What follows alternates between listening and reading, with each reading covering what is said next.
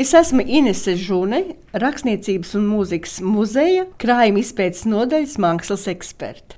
Vai zinat, ka rakstnieks un dzinieks Jānis Poruks studējis Dresdenes konservatorijā un sapņojas kļūt par skaņu mākslinieku?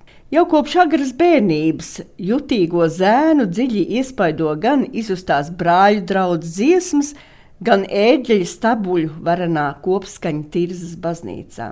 Druvienas draudzes skolas skolotāja Jāņa Kalniņa vadībā Jānis Poruks apgūst violas un harmonijas spēles pamatus. Viņa skaistā tenora balss dzirdama Druvienas korī, kas piedalās arī trešajos dziesmu svētkos Rīgā. Tur piedzīvotais un dzirdētais nostiprina jaunekļa apņemšanos kļūt par mūziķi. Šī doma Jānu Poruku pavada arī tad, kad pēc cēsu apriņķa skolas beigšanas viņš nokļūst Rīgā un iestājas Politehniskā institūta priekšskolā. Tur viņa muzikālos centienus ievēro un atbalsta matemātikas docents liels mūzikas cienītājs Hermanis von Westermans. Pateicoties šī pedagoga atbalstam, līdztekus mācībām Porukam nu ir iespēja privāti pilnveidot viļņu spēles prasmes pie Rīgas pilsētas teātra mūziķa un pedagoga Karla Šahes. Tāpat mācīties klavierspēli un mūzikas teoriju pie kapelmeistara Karla Lozes, kurš kā pārliecināts Vāgnerietis ieved savu mācekli Riharda Vāgnera mūzikas dziļumos. Porku muzikālie centieni vainagojas ar to, ka pēc priekšskolas beigšanas jaunais censonis izlemj par labu mūzikai, teikdams, ka mūzikā, vienīgi mūzikā ir neaprobežota brīvība priecāties un gavilēt par izciestajām sāpēm. Šo nodomu atbalsta arī viņa labvēlis un mecenāts Vestermans, ar kuru gādību tad Jānis Poruks – 1893. gada sākumā dodas uz Vāciju un uzsāk studijas slavenajā Dresdenes Karaliskajā konservatorijā, tagadējā Karla Marijas von Vēbera mūzikas augstskolā.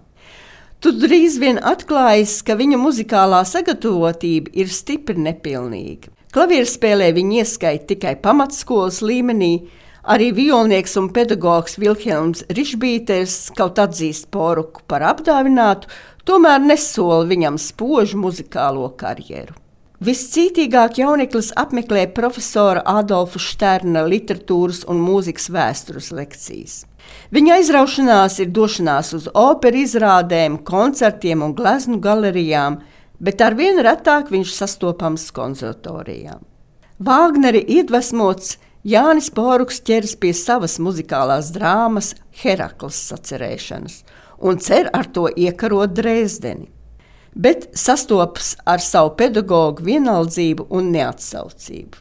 Jānis Poruks nekļūst par profesionālu mūziķu. Pēc trīs studiju semestriem viņš atgriežas Rīgā, pievēršas vārda mākslai, bet savus draugus joprojām iepriecina ar violas un klavieru improvizācijām – kurās iezogas arī tīri vāgnerisks nokrāsas.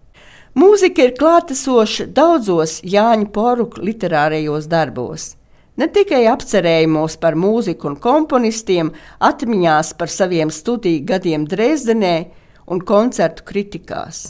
Skaņu mākslai un tās kalpiem viņš veltīs daudzus savus dziļi izjustos stāstus un noveles. Katru reizi viņš apliecina, ka cilvēkam vajag skaidru, tīru un atsaucīgu dvēseli, un to vislabāk atrast mūzikā. Visas cilvēces skanošā dvēselē, kuras valoda visiem saprotama un sajūtama.